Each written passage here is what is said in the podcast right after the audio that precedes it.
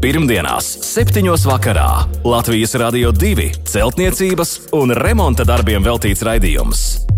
No pamatiem līdz jumtam. Ar padomiem un atbildēm uz klausītāju jautājumiem Latvijas Rādio 2 studijā - tehnisko zinātņu doktors, būveksperts Juris Biršs.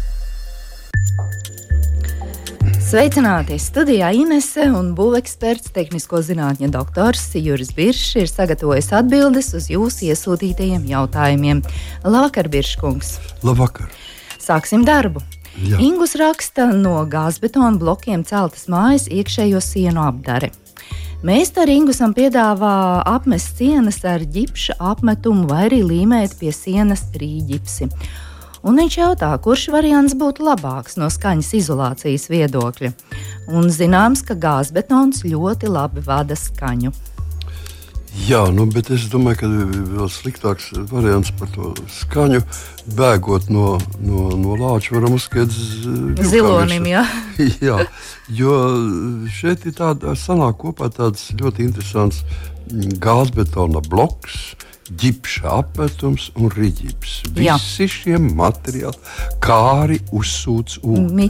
Viņi savstarpēji cīnās par to, kurš vairāk dabūs mitrumu no gaisa.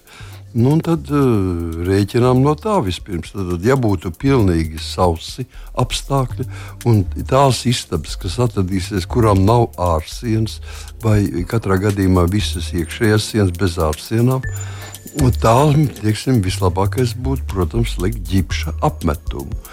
Cieša saikne ar, ar sienu, nekāda tukšuma, viss kārtībā. Līmēt pie sienām arī ģipsi. Mēs pielīmēt simtprocentīgi virsmu nevaram. Mums paliks kaut kāda ne, starp, starp šīm līmējošās vielas pikām, paliks kaut kāds atstarpīts. Un atkal tikai sausas sienas. Ja? Teiksim, uz uh, ārsienām, jeb pagrabsienām, viņi noteikti radīs milzīgas iespējas veidoties pelējumam. Un tāpēc tā, varbūt tas arī līdz galam pasakām, ka ja mums ir uh, priekš, arī kā akustiski labākais, kā priekšmitruma, šajā gadījumā, protams, ir vai nu rīķipsis, tas atvainojas vai ģipša apmetums vai rīģipsis nevis līmēts, bet nu, klāts tā uz profiliem, kā to dara parasti istabās. Veidojoties tādai ventilācijas kārtiņai, kura neļautu nu, notikt kaut kādam sastāvušam gaisam. Tas ir vienīgais, ko var teikt. Paldies par atbildi! Ilonas vēstuli. Pagājušā gadsimta 30. gados būvēta privāta māja no skaitbetona blokiem un apmesta ar javas apmetumu. Laikam izskatās, ka tas varētu būt javas apmetums. Tam ir pieaugti mazu akmentiņu un arī stikla lausku gabaliņi. Dažos mājas stūros apmetums ir saplaisājis un izskatās, ka drīz arī nokritīs. Ar kādu špakteli vai apmetumu būtu pareizāk labot šīs bojātās vietas un pēc labošanas Ilona plāno mājas fasādi nokrāsot un jautā, ar kādu gruntskrāsu un krāsu būtu ieteicams šo apmetumu krāsot, un vai vispār jūs iesakāt krāsot šāda tipa apmetumu.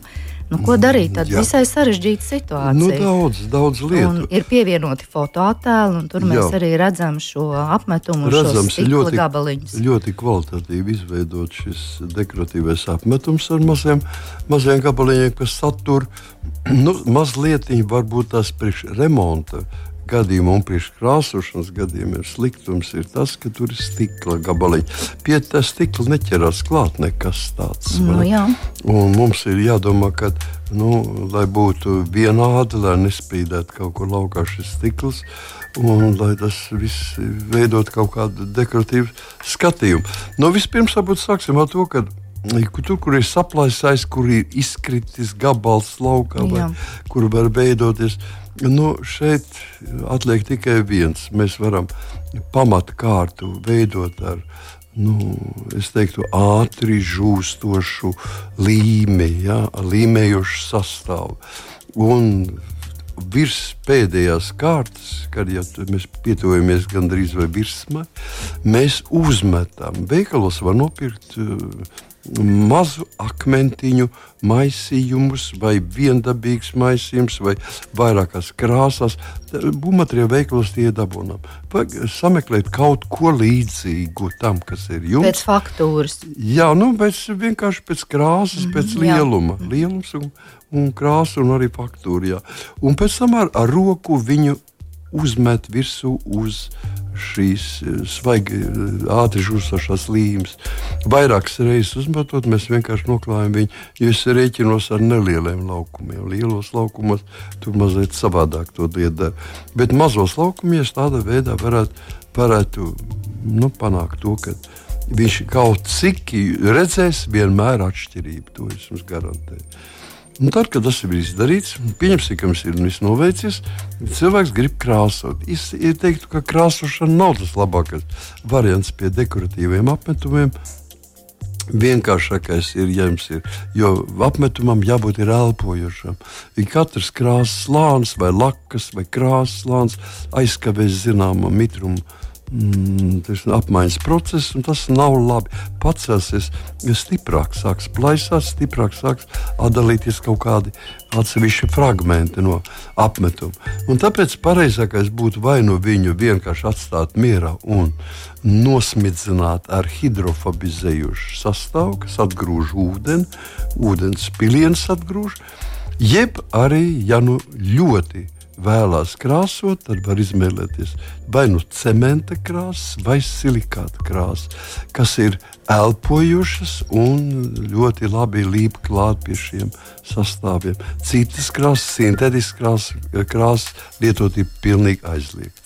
Jā, un pirms krāsošanas vēl ir jāapstrādā šī virsma ar kaut ko vai jau. Nē, nē, pirms krāsošanas nekas nav jāapstrādā. Viss, ja viņi ir, viņi ir uh, panākti, pat teiksim, ja mēs pirms apstrādājuši viņu ar hidrofobizējušu vielu, tad teiksim, pēc dažām dienām jūs varat droši arī viņu krāsot. Jā, paldies, tas būtu skaidrs, bet vēl viens jautājums ir Ilonai. 39. gadā būvēta privāta māja, pirmajā stāvā grīdas segums ir krāsotas skaidu plāksnes. Tās vietām ir nobružātas, bet grīda liekas gan stabila. Kā var pārliecināties, ka jāveic pilnīga grīdas nomaiņa, un vai būtu pareizi vienkārši virs esošās grīdas likt divslāņu gofra kartonu un virs tā laminātu, vai varbūt pirms lamināta ieklāšanas virs esošās grīdas izmantot kādu grīdu izlīdzinošu maisījumu. Un Ilona ir pievienojusi divus uzskatāmus, ļoti uzskatāmus fototēlus, un mēs redzam šīs skaidu plāksnes. Jā. Un tur, kur tās ir padrupušas, izskatās, ka apakšā ir vēl grīdas dēļ. Jā, tieši tā. Nu, jā, ko tagad tam, darīt? Ne, tas ir ļoti uh, apsveicami, ja tas tā ir tiešām. Jo šajā gadījumā dar, darbojas pēc vienkārši, ļoti vienkārša principa. Kā jau Ilona saka, ka daļēji viņa liekas, ka grīda ir pietiekuši stabila. Bet, nu, kaut kur nobružātu, kaut kur ir virsmas defekti, kaut kur varbūt šūpojas. Tas ir kaut kas tāds, kas, kas neapmierina. Un tad mēs rīkojamies sekojuši. Mēs attaisām visas grīdas līstes vaļā, pārliecinamies to, ka šīs, šīs plāks, skaidu plāksnes. Vispār es e, ļoti esmu sajūsmā, ja 39. gada mājās bija skaida plāksnes. Man tā liekas, mazliet neticami. Man liekas, ka tur varētu arī būt šis plāksnes vēlāk uzlikts. 39. gadā nu, Latvija neražoja, ja veida speciāli no ārzemēm. Tā būtu cita lieta, bet Latvijā skaidra plāksnes vēl tajā gadā neražoja. Nu jā, iespējams, ka vēlāk ir uzlikts, jā. ka māja celt. Jā, un tāpēc mēs atbrīvojam šos, šis, šo garu, katru istabu, garu grīdas līstēm, lai mēs redzētu, kas notiek apakšpusē. Un šeit jau bildēs ir redzams, ka it kā zem, viņ, zem šīm plāksnēm ir vēl gaisa starpiņa, un tad tur ir dēļu grīda. Tas būtu ļoti labi. Mēs atbrīvojam garu grīdas līstiem vaļā, un tālāk jūs varat droši klāt virsū uz grīdas, ko tikai sirds vēlas. Viss notiks, ventilēsies apakšā un nāks pie grīdas līstiem ārā. Nedrīkst nosprostot pie grīdas līstiem šīs šo brīvo telpu. Šai brīvai telpai jābūt noklātai ar, ar uh, platu grīdas līsti, kur augšējā daļā ir ventilācijas atveres, kur, pa kurām var notikt ventilēšanas, ventilēšanas process. Un tad mēs varam augšā likt Pilnīgi vienalga. Varam izlīdzināt šos sastāvus, varam uh, saplāksni, varam skaidru plāksni, kaut ko vienalga, ko mēs varam likt. Jo apakšā nesakrāsies mitrums, viss, un arī apakšējā tā koka grīda, kas var apakšā, arī varēs elpot caur šo gaisa. Jā, viss būs Kā? elpojošs. Jā, tieši tā. Jā, paldies par atbildi Ilonai. Rodionam ir vecs pagrabs bez jumta. Sienas ir veidotas no lieliem laukakmeņiem. Augstums no grīdas līdz zemē ir 2,2 metri. Un viņš jautā, kādu pārsegumu virs pagraba veidot, koka, betona vai kādu citu, lai uz tā pamata uzstādītu koka lapeni ar stikla logiem. Pagraba stāva izmērs ir 4x5 metri. Nu, praktiski tas nav tā kā pagrabs, bet pagraba stāvs. Jā, nu, bet tas tomēr ir zem pagaidas. zem, jā, jā, jā. Zem grunts. Zem un, grunts. Redziet, tas lielums ir diezgan liels. Radionam jāsaka, ka tas pagrabs ir 4,5. Tas ir uh, pamatīgs laidums, vismaz 4 metru laidums. Ir. Un taisīt viņu kokā, ne, tas, kas būtu visvienkāršākais, mēs vienkārši ne- nedrīkstam. Jo tā ir lapene augšā, būs apakšā, būs mitrums un vēsums. Mēs nevarēsim rēķināties ar zemes siltumu, ka tur sasildītu kaut kas, jo vienkārši augšpusē ir augsta būve. Un līdz ar to šeit var parādīties puve. Uh, Betons atkal 4,5 metri ir milzīgais laukums, kas arī prasa nu, teiksim, kaut kādas palīdzības līdzekļus. Es ieteiktu vienkārši metāla sijas un starp metāla sijām betonēt. Tas būtu visvienkāršākais. Sadalīt to laukumu mazākās daļās. Tātad 4 metri ir šis laidums, 4 metri garas metāla slīds. Viņš balstīts tiek uz akmens mm, sienām, un, un starp viņām ir veidojama stiegrojuma un to iebetonējam. Tas būtu nu, katrā gadījumā visdrošākais un visilgisturīgākais. Jā, un tur veidot pamatu, un tad var droši Jā, lapeni. var, un lapeni droši var būvēt virsmu. Paldies, Virškungs, par atbildi Rodionam. Pirmdienās, 7. vakarā Latvijas Rādio 2 celtniecības un remonta darbiem veltīts raidījums. No pamatiem līdz jumtam. Ar padomiem un atbildēm uz klausītāju jautājumiem Latvijas Rādio 2 studijā - tehnisko zinātņu doktors, būveksperts Juris Biršs. Ingus raksta, mājas vannas istaba, visas sienas ir flīzētas, bet ir ļoti liela akustika. Ir doma griestus noklāt ar koka ēveļskaidu cementa plāksnēm. Vai tas varētu būt risinājums un atrisināt šo akustikas problēmu? Varbūt ir citi efektīvāki materiāli. Nu, jā, jautājums ir pirmkārt jau paskaidrosim, ka tas, tas jau ir neizbēgami. Ja mums ir vannas istaba un visas sienas ir klātas ar, ar atstarojošām, gludām, uh, keramiskām vai virsmām, nu, dabīgi, ka skaņai nav kur citur likties, viņa iet no vienas sienas uz otru, atstarojas, tur jau var vispār radīties ļoti interesants situācijas.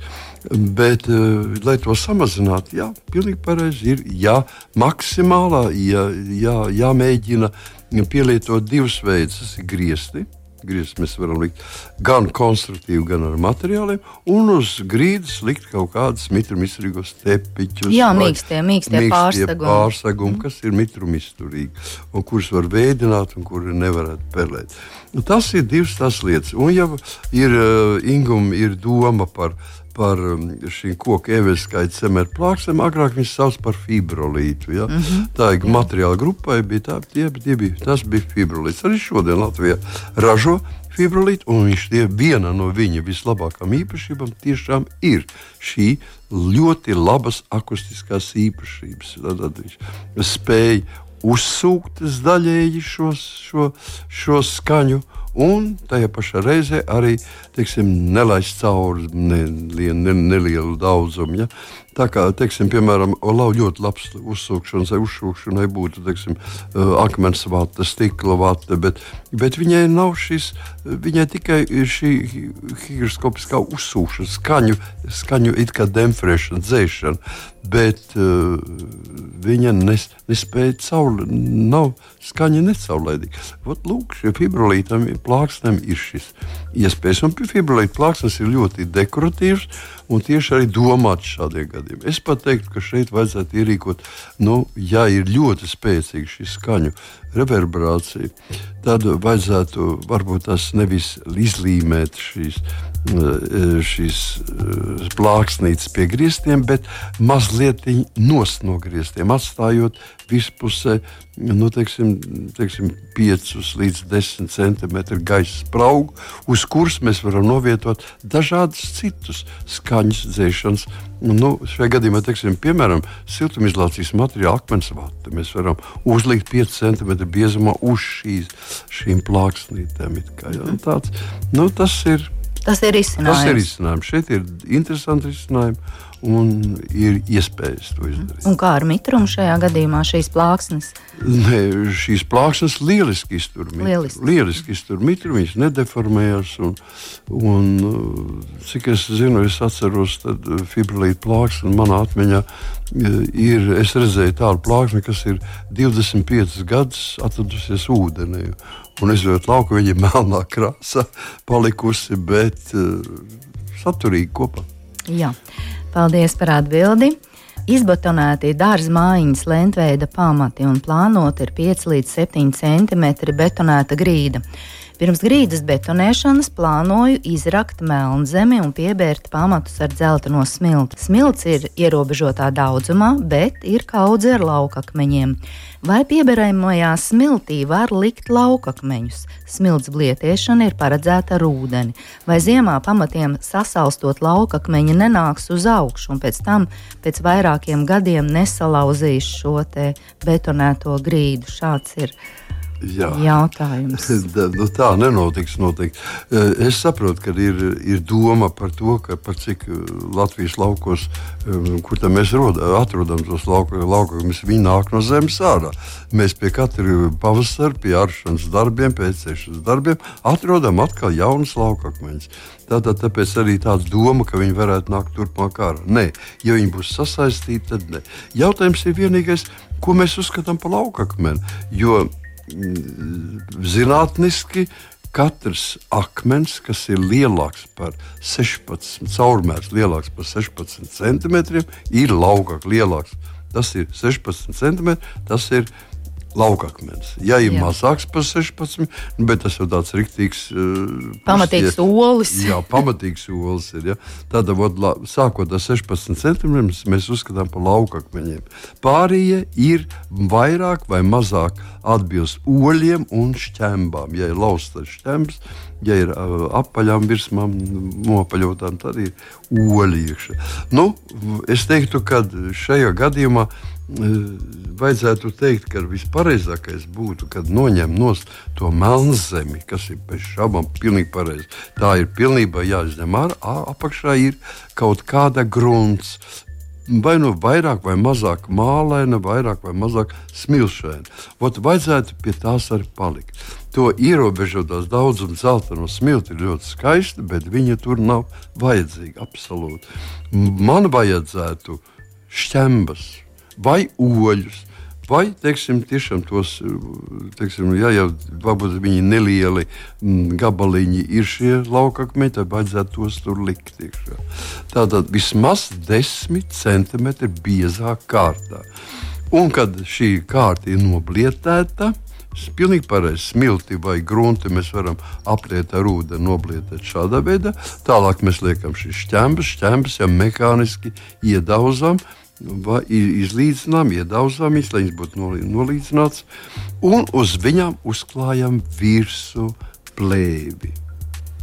Un tikai tad mēs varam uz šīs tvaikizolācijas plēves mēs varam veidot šo betona 5-7 cm betona grīdu. Un ziemā nekas šeit nenotiks. Tātad, kāpēc varbūt ļoti ātri izējot cauri tīrai būfizikai, tātad no gruntsūdeņa līmeņa uz augšu. Tāda gruntsūdeņa līmenis, kas ir stingri zemāks, tālāk uz augšu kapilārā veidā uzsūtas ceļā. Šis gruntsūdens līmenis daļēji tiek pacelts uz, aug uz augšu, nonāk tātad līdz pašai melnzemē, ar ko viņš arī teiksim, tur mm, mitrina un augi var dzīvot. Mūsu gadījumā melnzemē projām, tad uznāk līdz pašai šeit grunts gali. Ja mēs liksim smiltis, ies uz augšu vēl, jo starp smiltis miršu graudiņiem kapilāra uzsūts ir iespējama. Ja mēs liksim šķembas, kapilāra uzsūts nav iespējama. Tātad 10 centimetri mums paliek šī netiek uz augšu šis ūdens. Viņš uzsils ar laiku, ja, un pabēdīsies vaikā, un tad ies uz augšu. Un tad mēs viņu vienkārši, ka viņš ir bez spiediena, noķeram ar, ar ļoti plānu plēvēm. Jā. Mhm. Jā, paldies par atbildi. Nākamie ir eh, Raimonda jautājumi. Un Raimons ir ieplānojis tādus apjomīgus krāsošanas darbus. Un pirmais būtu tāds, kā pareizi pārkrāsot koka ēkas fasādi. Ēka ir krāsota pirms desmit gadiem, krāsa ir izbalējusi un dažās vietās arī atlupusi. Vai notīrīt krāsu visai mājai?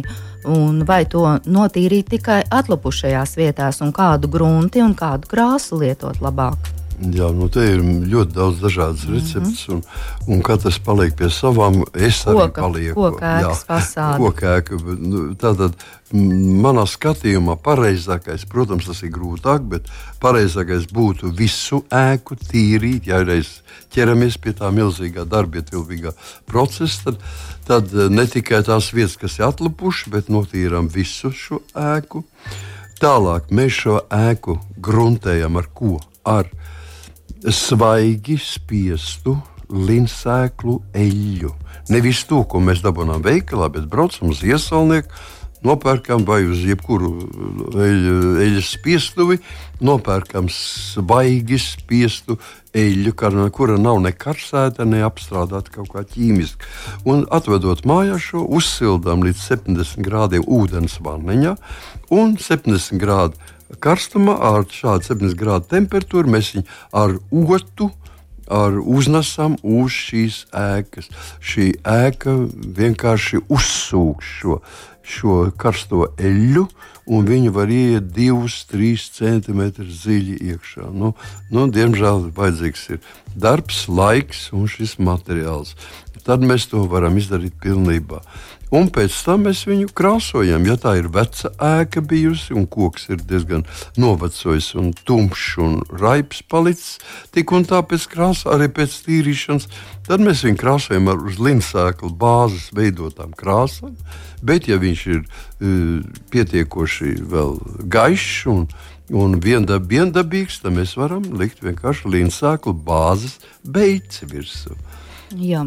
Un ir vēl viens iespējas, ir, ja mēs liekam beidz, tad, ir, eh, tad mēs varam arī uzlikt uzreiz ēkai virsū beidzi un to piesūcināšanu ar linsāku leļu varam veikt vēlāk. Pēc Teiks, tam. Pēc tam, pēc gada, pēc diviem varam veikt. Bet, ja mēs uzliekam krāsu virsū, tad jau tad ir cauri. Jā, bet ar linsēklu eļļu ir jāstrādā ļoti uzmanīgi. Ļoti pareizi. Ļoti uzmanīgi, tāpēc, ka vi, mēs nesam to eļļu tik ilgi, kamēr viņa parādās virspusē, mitrums, mēs viņu noslaukām ar lupatu, ar kādu nu, nu, vienkārši tādu vīšķi. Iesūcošu materiālu. Iesūcošu materiālu, jā. Un, un visu uzmanīgi, rūpīgi savācam. Nevienu vīšķīti nedrīkstam atstāt, tāpēc, kad lielos daudzumos, teiksim, piemēram, ja sametā vienā kaudzē, tad viņš var notikt paša aizliesmu, uzliesmošanas. Un, teiksim, mēs visu to izdarām, atnākam otrā dienā nu, jā. māja nav vairāk. Jā. Tā kā jāstrādā uzmanīgi. Jā, jāstrādā ļoti uzmanīgi. No pamatiem līdz jumtam. Un otrs Raimonda jautājums ir ēkas jumts Austrālijas skārts. Tas vietām ir sarūsējis, lai gan krāsots pirms gadiem vairākiem. Kā attīrīt jumtu pirms krāsošanas un kādu grunti un kādu krāsu arī vislabāk būtu lietot? Jā, nu, nu, šeit ir līdzīgs kaut kas iepriekšējiem jautājumam. Risinājumi ir bezgalīgi daudz, un, un tās grunts un krāsu veidi, kā, kurus var pielietot pie jumtiem, ir ļoti daudz. Es teiktu, ka pirmais, kas ir jādara, tas ir mehāniski jātīr ar, ar metāla suku. Jātīr tik, cik no iet, no cik iet, nomazgājām šo un pārklājam viņu vai nu ar rūsas pārveidotāju, ja, tātad vai nu inhibītoru tipa, vai vienalga kāda cita tipa rūsas pārveidotāju noklājam un pēc tam krāsojam ar jumta krāsu. Un šeit varētu izvēlēties jebkuru krāsu, ja ir kārtīgi izveidots šis pamatslānis. Nu, ja ir ļoti veiksmīga meklēšana un, un, un, un ir iespējas teiksim, tikt, tad vajadzētu krā, ir tāda speciāla krāsa, ko ražo tikai, tikai Zviedrijā. Un tāpēc praktiski es domāju, ka Latvijā viņa vairāk vispār nav iespējams, iespējams dabūt. Un tad varētu pielietot arī tādu krāsu, ko, kuru varētu likt bez. Tas labums ir tas, ka mēs viņu liekam bez uh, gruntēšanas, jo viņa mhm. iespiežās iekšā praktiski. Nu, teiksim, teiksim tā, uh, praktiski runājot, viņa ir četras reizes šķidrāka kā ūdens nu, pēc izskata neizskatās, bet pēc molekulu kustības ātrumiem, tad viņi četras ienāk, ie, ie, ieiet tādās spraudziņās, kur ūdens netiek vairāk klāt. Pat tik mazās.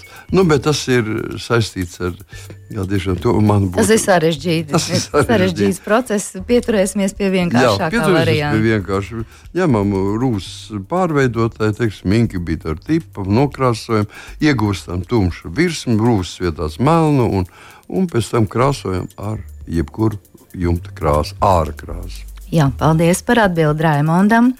Zana raksta, bloku māja aplīmēta ar sietu. Mitrā laikā uz sienas redzam šuvju vietas starp blokiem. Vēlamies uzzināt, kādu krāsu, grunti lietot, lai pēc mājas krāsošanas mitrā laikā neredzētu šīs šuvju vietas un dekoratīvo apmetumu gan viņi īsti neapskata kā risinājumu. Nu, es teiktu, ka uh, man tā mm, gluži ne, neticās Zanē. Es domāju, ka šī bloku māja aplīmēta ar sietu un arī ļoti, ļoti plānu apmetumu. Droši vien tas ciets nu, vienkārši jā. tā kā nē, spīd cauri. Nē, tā lieta ir pilnīgi pareiza. Teiksim, jaunām mājām Vai, teiksim, nu, ko nozīmē jauns māja? Māja, kas ir vēl 5, 6, 7 gadu vecs mājas, bieži vien mēs redzam salaidumu vietās gan paneļiem, gan atsevišķiem ķieģeļiem spīd cauri pēc tam, kad ir bijis kaut kāds samitinājuma process, kas rāda to, ka vienkārši tajās vietās, kur ūdens iespiedās iekšā un kur ir plānāka kārtiņa, tur ātrāk žūst, kur ir biezāka kārtiņa, tur lēnāk žūst, un tāpēc tur paliek tumšāka vieta. Un tas e, praktiski izzūd tikai pēc nu, vairākiem gadiem, kad e, nu, viss tā struktūra viņa pārveidojas arī, arī jebkurā laikā, arī laikā e, veidojās jaunas savienojumi, un šī struktūra paliek vienmērīgāka. Es teiktu, ka nekas tuvākos piecus gadus ja viņi ir jauna māja, nekas neglābs un būs redzami šie zīmējumi. Tā kā tikai dekoratīvais apmetums vai apšūšana. Varētu kā, to novērst. Jā, varētu to novērst. Pārējais ir jāgaida vismaz, es domāju, nu, vismaz 5-6 gadi. Un tad varētu doma palikt, ka palikt mazāk. Un arī tad, ja aiziesim vēl 100 metrus no mājas, arī vēl redzēsim. Varēs jo tālāk aiziesim, jo tālāk jūs redzēsiet šīs sastāvības. Jā, paldies par atbildi Zanē. Un noslēgumā vēl ziedītas vēstule. Ziedīt jautā, kādu ventilācijas sistēmu dzīvoklī labāk būtu izveidot un izvēlēties. Gaisa rekuperatoru vai airbohu sistēmu, plastikātu logu rāmī. Laikam tās ir tās restītes, saucamās. Jā, nu, tur ir kaut kas līdzīgs. Jā. Ir ļoti daudz dažādu sistēmu. Jā. Ir mehāniskas sistēmas, ir ķīmiskas darbības, elektriskas darbības. Nu, dažādas uh, uz datora var ieslēgt, kad atvērt ventilāciju, kad neatvērt. Mm. Nu, teiksim tā, ka uh, repara gaisa rekuperācija, protams, ka tā ir ideāla, bet tā ir ļoti dārga, tā ir stacionāra, ar viņu ir jārūpējas, ar viņa, viņa patērē enerģiju un viņa ir jādezinficē vairākas reizes gadā. Pie tam tā ir stacionāra mājas sistēma, kas rada savā ziņā diezgan daudz dažādas problēmas. Es domāju, ka visvienkāršākais ir, protams, izmantot uh, plastikātu logu rāmī kādas no ventilācijas restītēm. No savas puses iesaku tieši tādas sistēmas, kas strādā uz, uz ķīmiskiem principiem, lai nebūtu jāstāv klāt, nebūtu jāvirina ciet vai vaļā, jāuztic tas uh, elektronikai vai kādam citam. Vienkārši ķīmiski, ķīmiski šīs sistēmas veido uh, atpazīstošas nu, teiksim, uh, iekšējo un ārējo mitrumu atpazīst. Un par cik kuru, kura puse ir mitrāka, uz to pusi arī griežas attiecīgs ķīmiskais plāksnī, ķīmiskais elements. Un tā tas notiek. Ja nu paliek sausāks, viņš atkal griežas atpakaļ. Un šādā veidā tas ir, tas ir vislētākais veids, kā jebkurā telpā, kurā nav nekādas ventilācijas, bet kur atrodas virs zemes. Tomēr, ja? Tātad, un ir logi vai durvis, mēs varam ierīkot lūk, šādas ventilācijas sistēmas. Protams, ka ir arī daudz citas ļoti sarežģītas un, un nu, Es domāju, ka mums vienkārši nebūs tik daudz laika, lai mēs to visu izstāstītu. Es domāju, ka pamatā ir jābalstās vai nu kapitāli uz rekuperāciju, vai teiksim, ideāla ātrā gadījumā uz šīm uh, plastikāta logrāmī iebūvējama uh, restītēm, kas ir ārkārtīgi vienkārši un ātri ir montējami. Un, ja mums nepatīk, mēs viņu aiztaisām ciet. Viņš mums kalpo kā dekoratīvs elements. Un efekts ir sasniegts. Jā. Ventilācijas efekts. Jā, paldies par atbildi Ziedītei. Līdz ar to šovakar arī mūsu raidījums tuvojas izskaņai. Vēl atgādināšu mūsu e-pasta adresi remonds at lr2.lv. Jautājumus varat iesūtīt arī izmantojot mūsu Latvijas Radio 2 mājaslapu un, protams, noklausīties mūsu savās iecienītākajās podkāstu platformās. Lai jums šovakar jauks vakars un tiekamies pēc nedēļas. Visu labu! Pirmdienās, 7. vakarā Latvijas Rādio 2 celtniecības un remonta darbiem veltīts raidījums. No pamatiem līdz jumtam. Ar padomiem un atbildēm uz klausītāju jautājumiem Latvijas Rādio 2 studijā - tehnisko zinātņu doktors, būveksperts Juris Biršs.